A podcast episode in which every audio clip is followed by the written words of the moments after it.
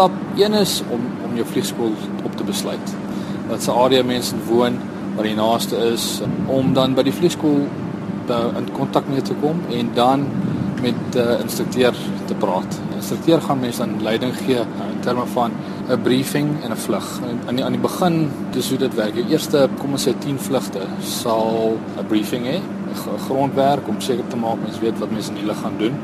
En dan 'n vlug van 'n uur, uur en 'n half aan die begin eers na die naaste vliegopleidingsarea. Ons is in die Magaliesberg area. Mense hele private pilot license, dis die eerste lisensie wat mense mee sou begin. Dis dan minimum van 40 ure waarvan 25 van daai ure dueltyd is met 'n instrukteur en 15 ure minimum solo tyd.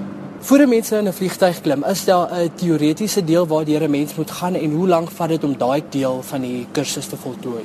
Teoreties is daar nie iets wat regtig voor die tyd begin nie. Soos ek sê, meeste van die tyd is 'n ground briefing wat jou die basiese knowledge gee van die vlug, hoe die sekere control surfaces werk, hoe mens die engine beheer en al daai tipe van goedjies om die student die basiese knowledge te gee van wat ons actually gaan doen. So dis baie belangrik. Doen jy ook hierdie tipe ground briefing voor 'n student in die nabootser inklim? Yes, ja, definitief. Ja, daar is sekere die nabootsers se primary use is om die obviously die instrument tyd op te bou. En dit sal wees om nou nie meer die horison te gebruik wat mense doen in normale vlieg nie. Mense wil daai buite reference wegvat van die van die studente en 'n instrumentasie gee en hy gaan dan met daai instrumentasie homself dan beheer. So uh, ja, daar's definitief sekere sekere grondwerk wat mense doen om seker te maak hy verstaan die tipe scan wat mense doen op die instrumentasie wat belangrik is as van daai instrumentasie nie meer werk nie of nie meer vertrou kan word nie. Hoe om dan die vliegtuig dan veilig te kan beheer. Is daar enige beperkings tot wie mag vlieg? Is daar 'n ouderdoms, gewig, lengtes beperking? 'n uh, Lengte en gewig nie, maar ouderdom is dit uh, 17 jaar. Mens kan jou student pilot license kry van 16 af.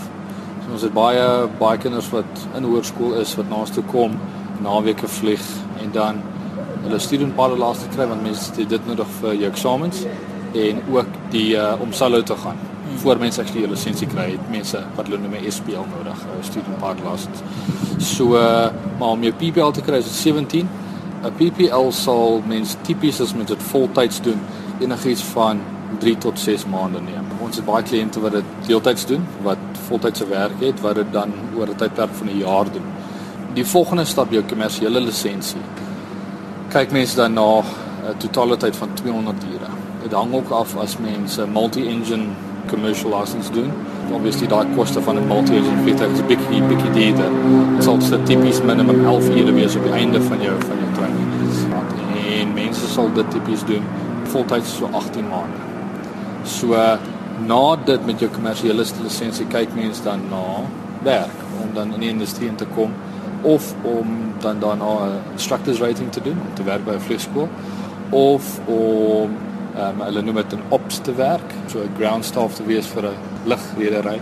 Party ouens is baie baie lucky en hulle kom in as 'n as 'n co-pilot op sekere kleiner vliegtuie.